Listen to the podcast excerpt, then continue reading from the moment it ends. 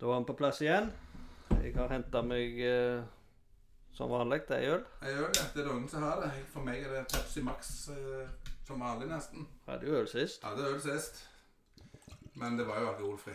Ja, det Og var det teller jo nesten ikke som øl. Nei da, det er sant. Og nå er det jo I dag skal jeg ha meg surøl. Det, bli- det syns jeg passer greit. Nå skal vi snakke om eh, enda mer tørrhumling. Skal vi ikke det? Jo, vi skal snakke om det. Og du skal begynne faktisk å snakke i dag. I dag òg, kan vi jo si. Ja, i dag òg, ja. Så da vi fyrer i gang.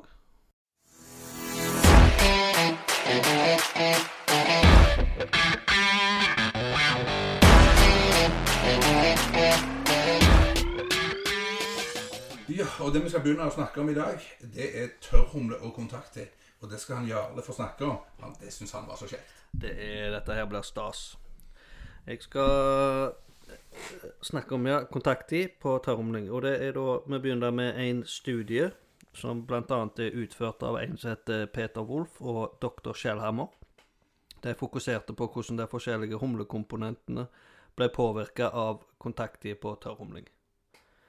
De brukte da kaskadehumler, og de tørrhumla i ei uke.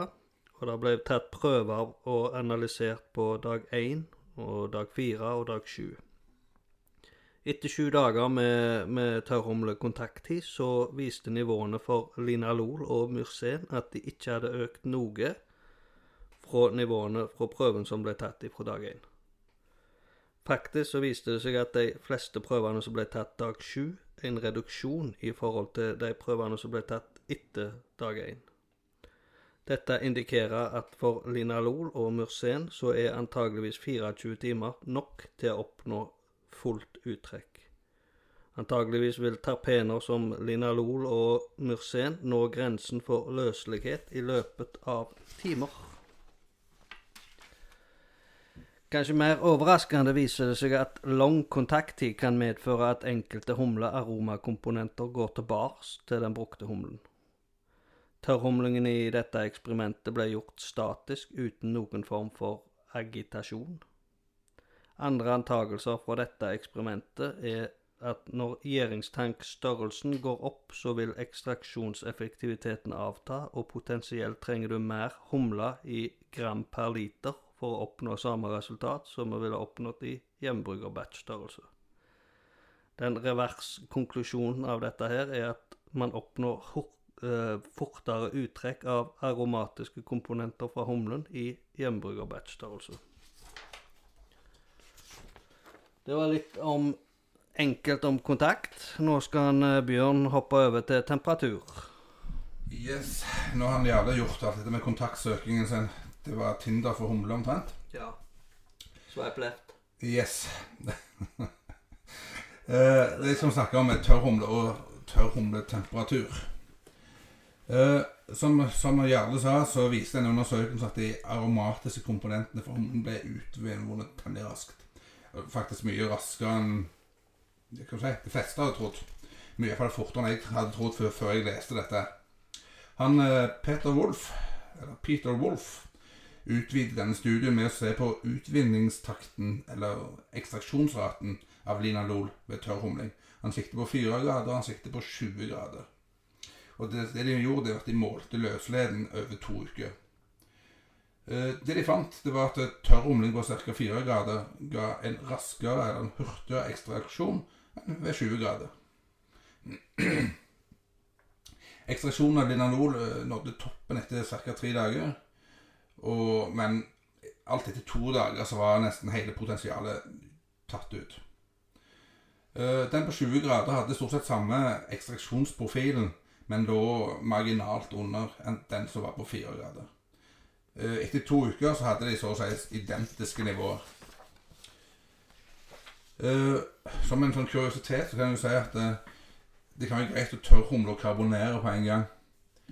Det er jo greit når du har faktisk så lav temperatur som fire grader, så er det en mulighet. Og det hadde vært litt interessant å se på om noen kunne gjøre en studie for å se på om trykket som du faktisk påfører ølen din, har en, har noen påvirkning på ekstraksjonsraten når du faktisk karbonerer samtidig. Men uavhengig av det, så gjorde han, han Wolfie, kompisen vår, han gjorde en undersøkelse av eh, rett røring agitering i humlen. Der han, eh, så på rett og slett Har det noen effekt å røre i humlen eller riste på, på, på, på, spannet? For det, han brukte jo ikke han gjorde ikke dette manuelt. De har så stor, såpass store ting at han gjorde dette mekanisk. Men eh, det, det, det han tenkte å se på, det var om det påvirket utvinningen av humleolje. Eh, det han fant, det var jo at du fikk en, en større og raskere uttrekk av, eh, av humleolje når han gjorde dette. Ulempen, altså den, den, negative siden av det han fant, det var at du fikk også et mye større uttrekk av polyfenoler. Som jeg husker fra tidligere episoder, så gir polyfenoler en økt astringency, altså en, denne tørre, sure bitterheten som får, kan få av å tygge på drueskall. Altså en, rett og slett mer bitterhet. Yes. Uh, oi. har også husk at det er i kombinasjon med is og alfasyre så ga det en litt hardere Harsher på engelsk uh, bitterhet. Uh, som vi sier Ja. Når du ser på både temperatur og kontakttid på dette, så resultatet fra For de hadde jo smaker som, som smakte på ølen på dette. Uh, altså Det underbygde at en kort kontakttid det var nok. Altså Det er ikke bare at de kunne måle det, men de kunne smake det. For det hender at det, det er litt forskjell på det en kan smake, og det som instrument, instrumentene viser. Uh, for eksempel ett forsøk uh, viste at man fikk samme aromaintensitet for tørrumlingen etter kun seks timers kontakttid som han fikk for fire dagers kontakt til. Det er veldig mye anekdotiske funn som underbygger dette. Veldig mange bryggere på kjente Neipa-bryggerier begynte å redusere temperaturen på tørrhumlingen, altså tørrhumlingen lenge før ja, noen begynte egentlig å forske sånn seriøst på dette. Og det var jo altså fordi de mente jo at du du fikk Om gjerne ikke nødvendigvis en bedre ekstraksjon, men det, det, de fant ut, var jo at det var en fordel å få, ut gjæren. Altså du fikk, du begynte å krasje ølen. Uh, og de reduserte jo ikke temperaturen så ned til, til 4 grader. De, de, reduserte temperaturen ned til 12-16 grader. Så er liksom den mer enn den teoretiske optimale temperaturen for å få en god ekstraksjon av humleoljene. Men uansett var iallfall resultatet var at de fikk en bedre humlekarakter på ølen. Uh, en, en, undersøkelse fra 2019 så, som så på kald tørrhumling De da siktet de på kam kald Jeg kan ikke snakke, eller kald tørrhumling av en tysk pils med 5% alkohol. Uh, der tørrhumla de med 2,5 gram per liter av eureka. Altså humlen De testa ølen daglig fra forskjellige humlekomponenter. Det de fant, var at en eh, hurtig ekstraksjon av linanol og geraniol At det var en hurtig ekstraksjon av linanol og geraniol, geraniol og at alt etter to dager så var disse monoterpene alkoholene så å si fullt uttrykk. Det var jo i samsvar med det vi har sagt, snakket om tidligere. Uh, det som kanskje var mest interessant for denne studien, var at testpanelet altså Det testpanelet de brukte, da, det ga altså den, den ølen som kun var tørrhumla én dag Den fikk den scoren for skårte mest for fruktige smaker. Altså sitrus- og solbærsmaker. Altså, det var kun én dag av eh, kontakttid. De ølene med lengre kontakttid skårer høyere på smak av urter og krydder. Altså Dette smaker man får, får av monoterpene hydrokarboner. Altså mursen i dette spesifikke tilfellet. Uh, det har, altså, de oppdaget at mursen hadde gjort mesteparten av sin ekstraksjonstid fra dag én til dag to. Sånn at den, når den ølen de smakte første dagen, hadde da ikke så mye mursen. Det er sannsynlig at etter hvert som man får mer uttrekk av disse grønne, harpiksaktige smakene, så, så er myrsen eller hydrokarboner uh, Så vil det i større grad rett maskere de andre fruktige smakene som gjerne vil ha i ølen. Uh, dette er gjerne spesielt viktig når man brygger neiper eller hazies, fordi de ofte har en, de er mer tyktflytende, altså de har en høyere viskositet. Uh, denne kroppen og munnfølelsen en har, den gjør at disse her eh, Ja. Altså, du har mer du har på Begynner på en, begynner en annen plass. Du har en høyere kropp og munnfølelse enn du har på en West Coast-IPA i en EIPA. Og så, det er derfor, altså, Selv om du har brukt den samme mengden med, med humle og sånne ting oppi en West Coast og en Hazy, så vil resultatet utarte seg på en annen måte. For den økte kroppen med Hvordan skal forklare dette? At økte kroppen gir den største prosentandelen av Det beholder altså hm, Hvordan forklare det? En beholder mer av de hydrokarbone oljedelene, altså Det beholder mer av de grønne smakene i noen en tørrhumle. Fordi at hun har ikke den, den, den Han klarer ikke å rømme, for han kan å komme ut av løsningen så lett. Hvis det gir mening. Sånn at eh, vi får mer av det, potensialet av den grønne smaken etter hvert over tid. Så lenger det står, så mer av denne grønne smaken får.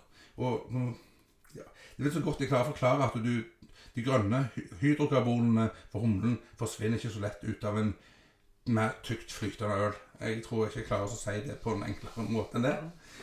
Uh, altså det kan vi det betyr rett og slett at Naper kan bli mer astringent, altså bitre, fulle av polyfenoler, på en måte en gjerne ikke vil få i en West Coast-IPA med den samme mengden humler, rett og slett. Eh, hvis vi går tilbake til den undersøkelsen som vi snakket om med Eureka, den, der de tør en pils, så ble det også testa for hvor mye tiola som ble uttrukket av humlen. Og det de testa for, det var nivåene av 4 MMP. Og heldigvis så har jeg ingen interesse av å uttale hva 4 MMP står for denne gjengen. Det holdt med ene episoden. Og det de fant, det var at mesteparten av 4 MMP ble ekstrahert av hunden de to første dagene. Og veldig lite ble ekstrahert fra dag to utover. Og dette sammenfaller jo med, med det, det som smakspanelet opplevde. At eh, du fikk mest uttrekk av sitrus- og solbærsmaker de første to dagene. Og så ble det mer og mer grønne smaker så- som fikk. Så, så hvis vi skal bare prøve å oppsummere dette litt, for jeg føler jeg har rota litt, så må jeg prøve å gjøre en liten oppsummering. Sånn at det, Et siste moment som, som jeg gjerne ikke har trukket fram før, det er at det, øh, Et siste moment som jeg ikke har trukket fram før, øh, i noen undersøkelser som jeg vet, at øh, når man i prinsipp cold-crasher ølen før man tørrhumler, så trekker man ut det meste av humlerester ut av øh, ut av gjæren. Altså en får humle, humlerester og man får gjærrester ut av suspensjon, og de synker til bunns. Og disse her tingene her, humlerester og gjærrester i ølen når den skal tørrhumle, når dette her synker til bunns ved en senere eh, cold crashing, så vil de kunne trekke med seg humlearomastoffene som vi nå har tilsatt gjennom tørrhumlingen, ut av løsning. Sånn at du får mindre aromatisk eh, resultat. At eh, når du, disse her det som gjør, det at eh, humlearomakomponenten faller til bunns. Men eh, hvis du da slett gjør en kald humling, altså du cold crasher først, så vil alle disse stoffene ha sunket til bunns før. Når du da hiver oppi humle, så er dette, disse tingene ute av eh, løsningen, altså ut av ølet. Sånn at du vil få en mer fruktig opplevelse av ølene. Så det virker som at en, en kald og kort tørrhumling er bedre enn den tradisjonelle varme og lange. Uh, vi sitter tilsynelatende igjen med en mer fruktig øl med mindre grønne smaker man gjør den måten. Altså Du får mindre hoppbite, mindre bitterhet, mindre polyfenoler. Eh, et siste tips som jeg har, det er jo at hvis du rister på gjæringstanken din eh, en gang og to i løpet av tørrhumlingen, kanskje tre-fire òg, så vil en få en enda bedre uttrekk av, eh, av de aroma, aromatiske humlekomponentene.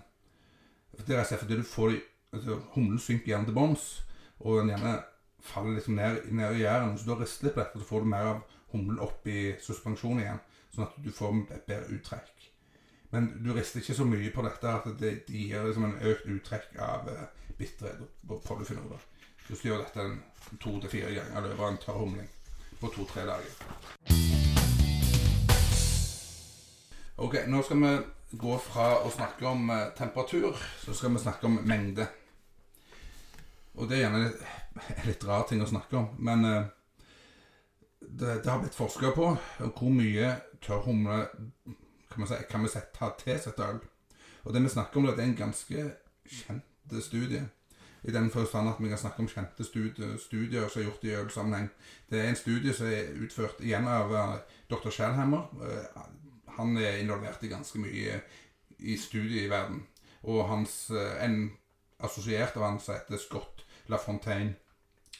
Og studien heter Impact of Static Dry Hopping eller, Impact of Static dry, dry Hopping Rate on Sensory and Analytical Profiles of Beer. Se det. Det har derfor et, de har fine navn, om ikke annet. Nei, men studien er veldig kjent, og den er veldig interessant. Uh, det, I korte trekk det de så på, det er fins det en optimal eller en maksimal grense med, med humle som en kan tilsette som tørr humle, med smak og aroma. Det de gjorde, det var igjen å benytte Cascade.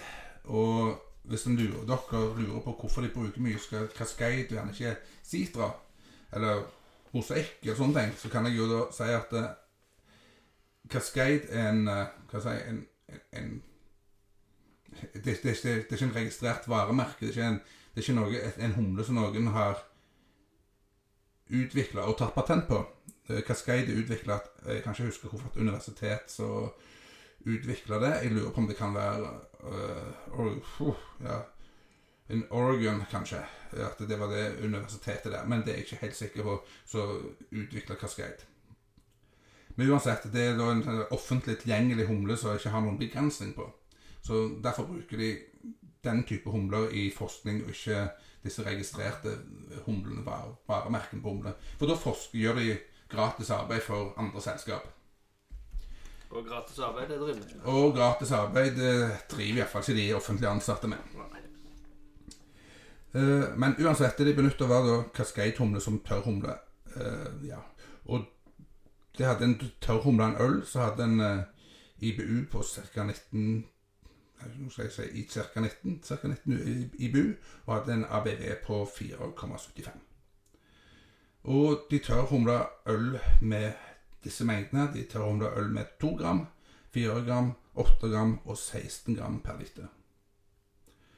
Og så etterpå så ble ølene analysert både med et med smakspanel, altså et, et, et, profesjonelle smaker, altså trenersmakspanel, og ved hjelp av instrumenter.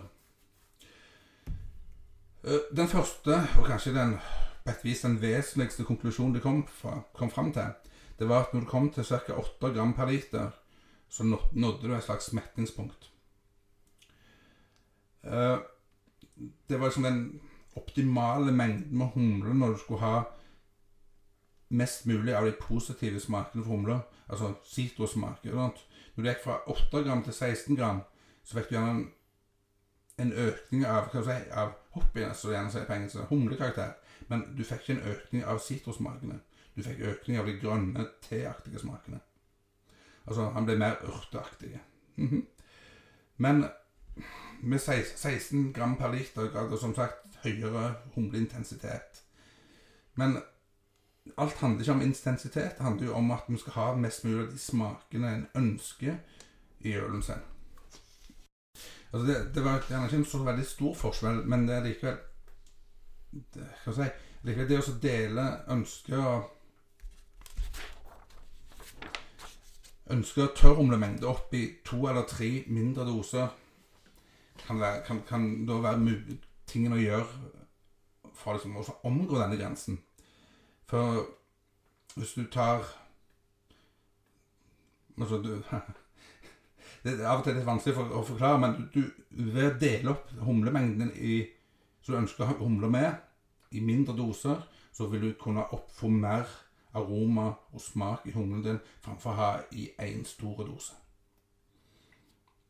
Det er rett og slett med at du, du klarer ikke å trekke ut all Altså Du klarer ikke å ekstrahere nok eh, nok, nok av olje, de positive oljene på den måten her, hvis du bare har oppi én stor dose. Uh, det som ikke er helt klart, det som ikke kommer klart fram i, i denne undersøkelsen, det er om det, om det er ekstraksjonen i seg sjøl, eller, eller om det er et mettingspunkt for komponentene, så er det en begrensende faktor. Jeg mistenker at det kan være kanskje en kombinasjon av de to. Uh, denne, dette undersøkelsen den har blitt etterprøvd et utall ganger. Hvis noen er interessert, så har jo bl.a. Philosophy gjort en, en, undersøkelse der de rett og slett etterprøvde. De prøvde det samme, men de prøvde faktisk med sitrus. Og de fant det samme resultatet som Shellhammer og co. gjorde. Så En annen viktig ting det var å se på hvor mye av de fruktige monotapene alkoholen som linanol, graniol og nerol ble ekstrahert ved de forskjellige nivåene av tørr humle. Eh, det de fant, det var at eh, når, når mengden tørr humle økte, så redusertes ekstraksjonsraten. Eh, Monotopene alkoholer som ble ekstra, ekstrahert relativt effektivt når mengden var liten. Faktisk var ekstraksjonsraten høyest når du hadde det minste, altså 2 gram per liter. Eh, det var en forskjell på 17% for linanol og 4% for graniol og nerol. Uh, så når, altså når, du sammenligner 2, gram per liter og 16 gram per liter tørr humle Det er faktisk ikke en massiv forskjell i det hele tatt. Uh, en annen studie som spesifikt sikter på ekstraksjonsraten, bekrefter funnene i, i, den, i, den for, i, Impact of Static Dry Hopping Rate on Sensory and Analytical Profiles on Beer. Altså en annen, Den er bekreftet mange ganger, men dette så da på ekstraksjonsrate. Og det kom fram til liksom de de samme typen funn. I den undersøkelsen så tørrhumler de med 5, en 5% IPA med Citra T90-humle. Og mengden de så på, det var, var henholdsvis 2,5 gram, 5 gram, 10 gram og 20 gram. Ekstraksjonsraten på linanol eh, som de målte, ble redusert med 20% fra den minste mengden til den største mengden. Altså når de tørrhumla med 20 gram per liter, så fikk de 20% mindre ekstraksjonsrate. Men om det er mye eller lite eh, Den største ekstraksjonsmengden som ble målt, den var 38% av potensialet. Så en 20 reduksjon for dette her, dvs. Si at det ekstraherte 30% av potensialet istedenfor 38% av potensialet. Så om du skal tolke dette som at det, om, om, det er mye eller lite, det er vel så som sagt, jeg, syns ikke personlig det er veldig avskrekkende at du får at du mister 8% Men igjen så virker det som at hvis du deler opp tørrhumlingen din i flere mindre doser, så vil det gi en positiv effekt. Altså I den forstand at du får mer av de ønskelige fruktige smakene i den endelige ølen. I tillegg så vil du få mindre polyfenoler og kanskje mindre bitterhet for, for humidioner. Uh, altså hvordan jeg tolker disse resultatene Jeg vil snakke litt om hvordan jeg, jeg, ser på disse her, eh, og hvordan jeg bruker informasjonen jeg bruker øl. Først og fremst er det viktig å se på at man får en hurtig ekstraksjon av de monotopene alkoholene, selv ved kalde temperaturer. At det vesentlig ble undergjort på, to, altså på ca. to dager. Og det samme gjelder for tioler. Eh, det andre viktige er at monoterpene hydrokarboner, altså myrsener og den type ting, det har noe langsommere ekstraksjonsrate. Og jeg mistenker at ekstra, ekstraksjonsraten øker med mengden av tørrhumle, og den øker med tid, kontakttiden. Uh, og så tenker jeg på, Hvis vi går tilbake til den første humleepisoden vi snakket om, da vi snakket om bitterhet, så nevnte jeg jo at uttrekk av polyfenoler ble halvert med kalde temperaturer og kort kontakttid. Så det er en veldig positiv ting. Uh, det, er sagt, det gir vesentlige fordeler. Altså tørrhumle Det har jeg sagt mange ganger. At det tørrhumle i flere omganger. Det, men ikke bare at du tørrhumler i flere omganger, men at du får ølen av humlen. Altså får ølet vekk fra humlen som du har brukt. Det er òg ganske viktig. Så for, Hvis du ikke gjør det, så har det på en måte Da, mister du den positive effekten. For da tørrhumler ti dager før du skal liksom, sette denne ølen på en boks Selv om du som, i teorien skal gjøre dette kaldt og kort, så hvis ølen din allikevel står oppe humlen, så har du en lang kontakttid. Og, så du må få øl av humlen, og det er en utfordring i seg sjøl kanskje av og til. Samtidig så du ikke skal få oksygen, og du skal ikke gjøre dette her. Sånn at det, det kan være greit at du har en plan for hvordan du skal gjøre dette. En måte er jo at du, du, du har tilsetter humlen oppi f.eks. et fat, og du flytter ølen din over på fat med tørrhumlen i. Og så etter en, dag, etter en dag eller to så flytter du humlen, ølen videre til et annet fat med neste innsats med tørrhumle i. Før du da endelig til flytter du over til tredje fat, så blir det som eh, din bright tenker at der ølen skal stå og klargjøre seg en stund. Uh, altså Min egen opplevelse av, uh, av dette det er at du benytter disse metodene her, så får du en absolutt en øl som er rikere på de positive, fruktige, sitrusaktige smakene. Uh, jeg mener òg at metoden gir rom for å øke tørrhumlemengden ganske vesentlig for 8 gram per liter. Selv om ekstraksjonsraten går ned, så betyr ikke det at det, så lenge du gjør dette på rette måten, så kan du holde de negative effektene med å øke humledosen i sjakk. Altså at du, du, får de positive tingene raskere enn du får de negative tingene. Så du kan, du kan tørrhumle med ganske mye mer enn 8 gram per liter. Uh, det er også det som er vesentlig, det er at du velger den rette sorten humle. Og når jeg mener rette sorten humle, så mener jeg at det, å benytte cryo-humle, eller lupomax-humle, det er vesentlig for å presse ut mer positiv humlesmak av ølen. Jeg tror nesten ikke jeg kan si hvor, hvor positiv effekt det å bruke disse humlene har. Um, det er selvfølgelig òg at du, du, du velger de rette humlekombinasjonene. At, at de har den, den synergiske synergien i, i, smaken som gjør at du får den smaksforsterkningen som du ønsker. Ja, da er neste tema som jeg snakker om, det er å snakke om cryo-humle, siden jeg har nevnt det så, så, mye. Så kan si det er to typer uh, cryo-humle på markedet i dag. Som, som går en slags felles benevnelse cryo-humle. Den ene heter altså bare cryohops, eller humle på norsk. Og den andre heter lupomax-humle. Begge typene benytter seg av en eller annen form for flytende nitrogen når de utvinner lupolinet fra humlen. Uh, Cryo-humlen gikk originalt under benevnelsen konsentrert lupulin. Uh, Cryo-humle det er sånn i utgangspunktet ble solgt, ble solgt som pulver. Men uh, etter dette ble kjørt som De solgte det til, til bryggerier først og fremst til å begynne med. Og tilbakemeldingen var at de fikk problemer med at pulver ble bare liggende som et lag oppå ølen. Det ble liksom ikke tatt opp, og det sank ikke ned i ølen, og du fikk ikke smaken skikkelig oppi det. Så resultatet av det, det var at de begynte å, å pellet, pelletere det. Altså lage pellets av det. Eh, jeg tror for at det fremdeles er tilgjengelig som pulver for de spesielt interesserte. Det er gjerne for de som har utvikla øl, øl der de har dette som en, som en del av oppskriften, så de slipper å endre oppskriften. Uh, denne originale cryo-humlen har omtrent den doble konsentrasjonen av lupulen i forhold til T90 pellets. Og T90 pellets er de vanlige pellets-typen som vi kjenner. Oi, uh, altså det er jo klart denne, denne typen humle gir en ganske intens humlearomasmak. Eh, og i tillegg inneholder jo cryo-humle mye mindre plantemateriale enn T90 gjør. Og det er derfor mye mindre vegetabilsk masse, altså mindre humle altså mindre humle i, i, i gjæringskar, rett og slett. Uh, og du får mindre polyfenoler, og du får mindre vegetabilsk bitterhet, altså hoppørn og sånne ting. Det du får rett og slett mindre av når du bruker cryohumle. Uh, cryohumle har en smaksprofil som er samsvarer med varianten det er lagd av. F.eks. cryocitra smaker som om Citra-humle bare mye, mye, mye mer konsentrert. Pga. selvfølgelig den økte konsentrasjonen av lupulin. Uh, den, som jeg sa innledningsvis, så ble jo dette lagd for bryggerier. Det ble ikke lagd for hjemmebryggere.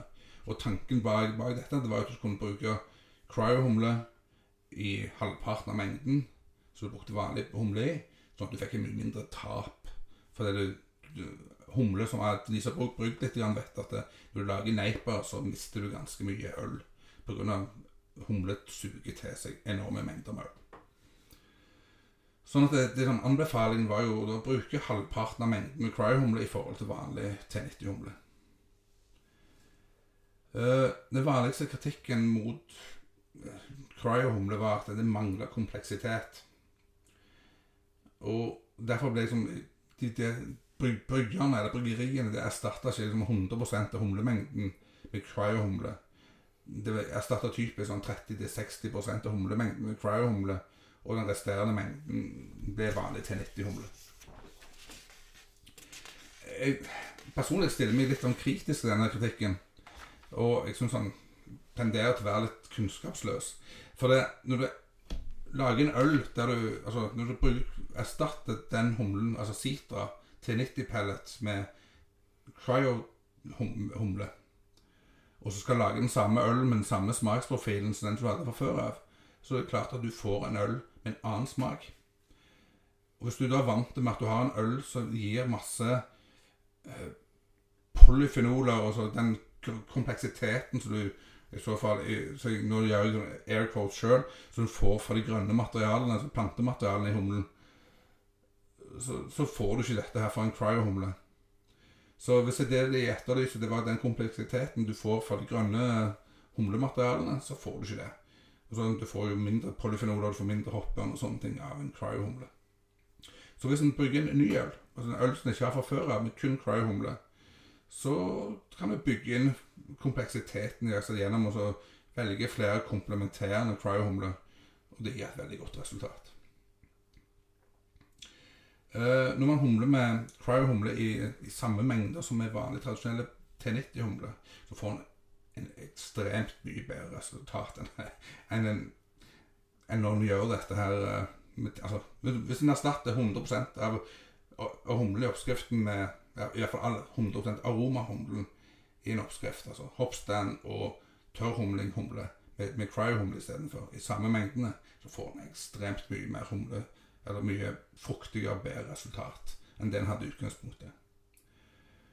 Eh, og jeg mistenker òg at de begrensningene som de kom fram til den impact of static dry hopping rate on sensory and analytic profiles of bear er ganske Altså at den er en annen for cryo-humle. Eh, med andre ord man kan tilsette mer uh, cryo-humle og få et utbytte, utbytte utover den begrensningen som dr. Shellhammer, Shellhammer og Scott LaFontaine fant i sin undersøkelse. Eh, så vi må snakke litt om Lupomax-humlen. Sånn at det, Uten at noen har kommet ut og sagt det direkte, så mistenker jeg at Lupomax-humle ble utvikla rett og slett for å svare på den kritikken som, som Fry-humlen møtte. Altså at den, det var liksom sånn endimensjonalt. Det var veldig spesifikt tynn profil. liksom At du fikk en siterhumle, fikk du en sitra-humle uten noe annet. Så derfor utvikla de en ny type cryo-humle. Det, det, er sånn så vanlig tradisjonell cryo-humle, da har du liksom, kan du erstatte altså, halvparten av eh, Benytte halvparten av mengden med cryo-humle i forhold til vanlig til 90-humle. Men med Lupomax-humle så reduserer du bare humlebehovet ditt med 30 Altså det er et mindre konsentrert produkt. Altså 30% i forhold til 50 Eh, Det som ble vektlagt når de må ha markedsført Lupomax, det er at eh, Lupomax er true to type. Altså det at Lupomax smaker det samme som humlen gjør originalt. Bare du får mye mer av det. Altså Du får en mer konsentrert smak av den originale smaken. Ikke en litt mer kompleks smak, tenker jeg, siden du har mer av de grønne materialene. Det var det som ble etterlyst fra cryo-humlen. Uh, jeg har brukt med både cryo-humle og Lupomax flere ganger. Jeg kan ikke si at jeg foretrekker den ene framfor den andre, men jeg har heller ikke gjort noe side by side sammenligning. Eh, det er noe som vi må gjøre i nærmeste framtid uansett. Nå er jo jeg så heldig at jeg har fått eh, om strategier. Tørrhumlestrategier. Så da skal vi ta litt om det. Eh, når det gjelder ølbrygging, så er det jo ikke sånn at det enkle er alltid det beste. Det å legge til mer og flere humletyper vil gi økt kompleksitet i smaken. Men allikevel ikke så enkelt som å gi ting mer saltsmak med å ha oppi mer salt. Hvis dere forstår hva vi mener med det. Eh, Humlekomponentene som vi har snakket om i disse humleepisodene, kan, når de kombineres, Da kan de enten dempe, de kan forsterke, eller de kan transformeres gjennom hele bryggeprosessen.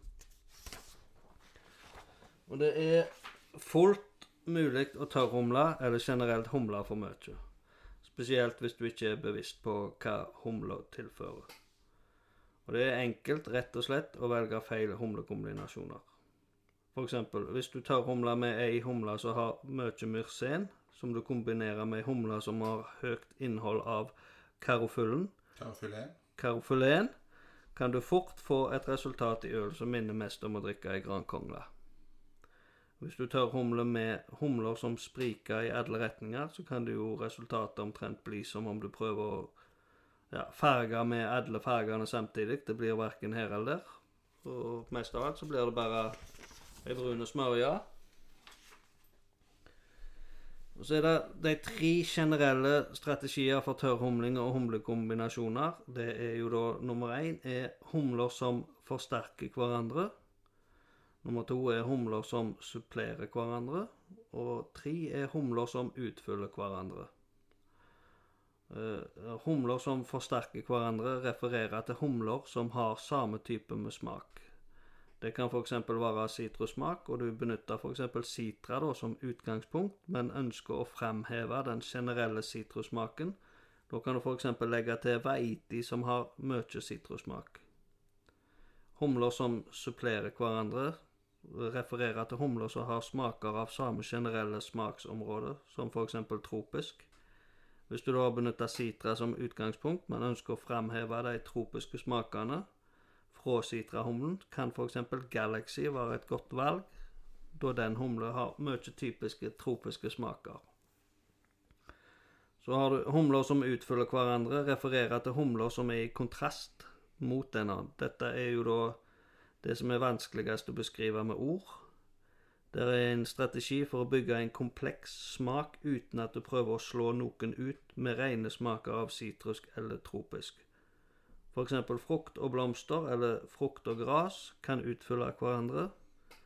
Da F.eks. hvis du tar utgangspunkt i sitra igjen og ønsker å bygge en mer kompleks smak, så kan du legge til loral, som har en utpreget blomsteraroma. Ja, det klarte de jo fint å gjøre. det. Ja, det Men det, det, det, det som jeg ikke har snakket om når det kommer til sånn humler jeg, eh, Vi har ikke akkurat snakket om hvorfor noen humler vi skal kombinere, hvorfor noen du ikke skal kombinere og sånt. Og altså, Vi kan jo gi råd, men det blir veldig kan si, hvis, vi, hvis vi sitter her og så lister opp disse humlene kan du kombinere, og da får du en bra øl, så gjør vi vel egentlig ingen noen tjenester i det hele tatt. Altså. Du, du, må, du må nesten finne litt ut av ting sjøl. Men det jeg kan nevne, da så det, det er en type humler som gjerne går under benevnelse cheater hops, eller juksehumler. Og det er disse typiske, de som har ja, Citra, Mosaikk, Amarillo, eh, Nelson Sauvin, Galaxy altså Disse humlene så Når du bruker de, så skal du nesten være litt uheldig for ikke klare å lage en god øl. Mm. Og når du, slipper å bruke mer enn én av de om gangen, så, så blir resultatet ofte bra. Men når du lager, gjør disse strategiene, hvorfor noen øl du, eller hvorfor noen humler du skal bruke, tenk på det vi har snakket om. Det gjelder mye av de samme tingene som vi snakket om, sjelaroma og sånne ting. De, de kan òg dra med deg inn i tørr humle og tenke på hvorfor noen humlesmaker du kan få ut fra, fra humlen. Sånn at Kombiner. Du må nesten prøve det sjøl, finne ut hva du skal ha.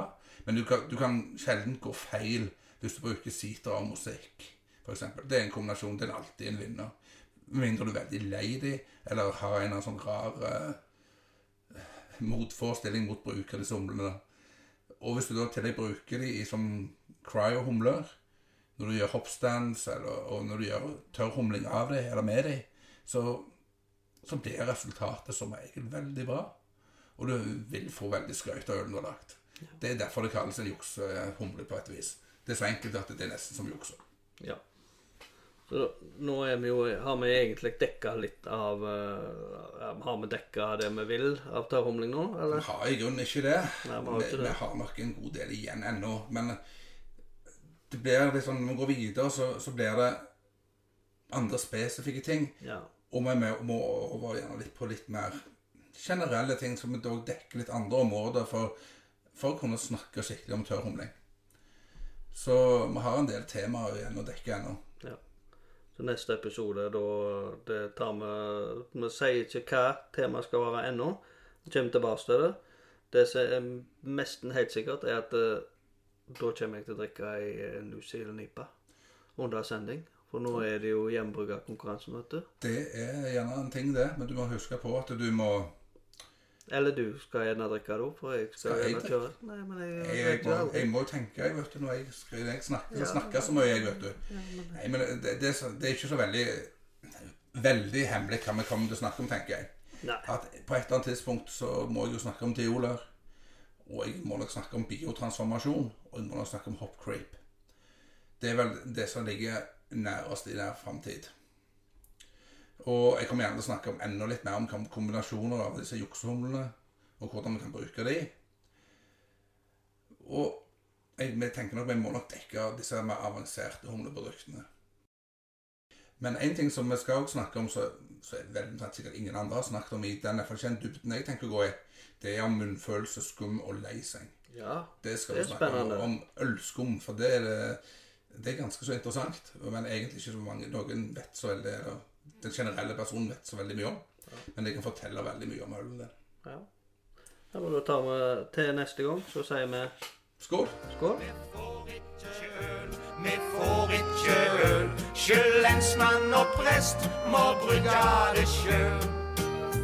Vi får ikke lov til å nyte et glass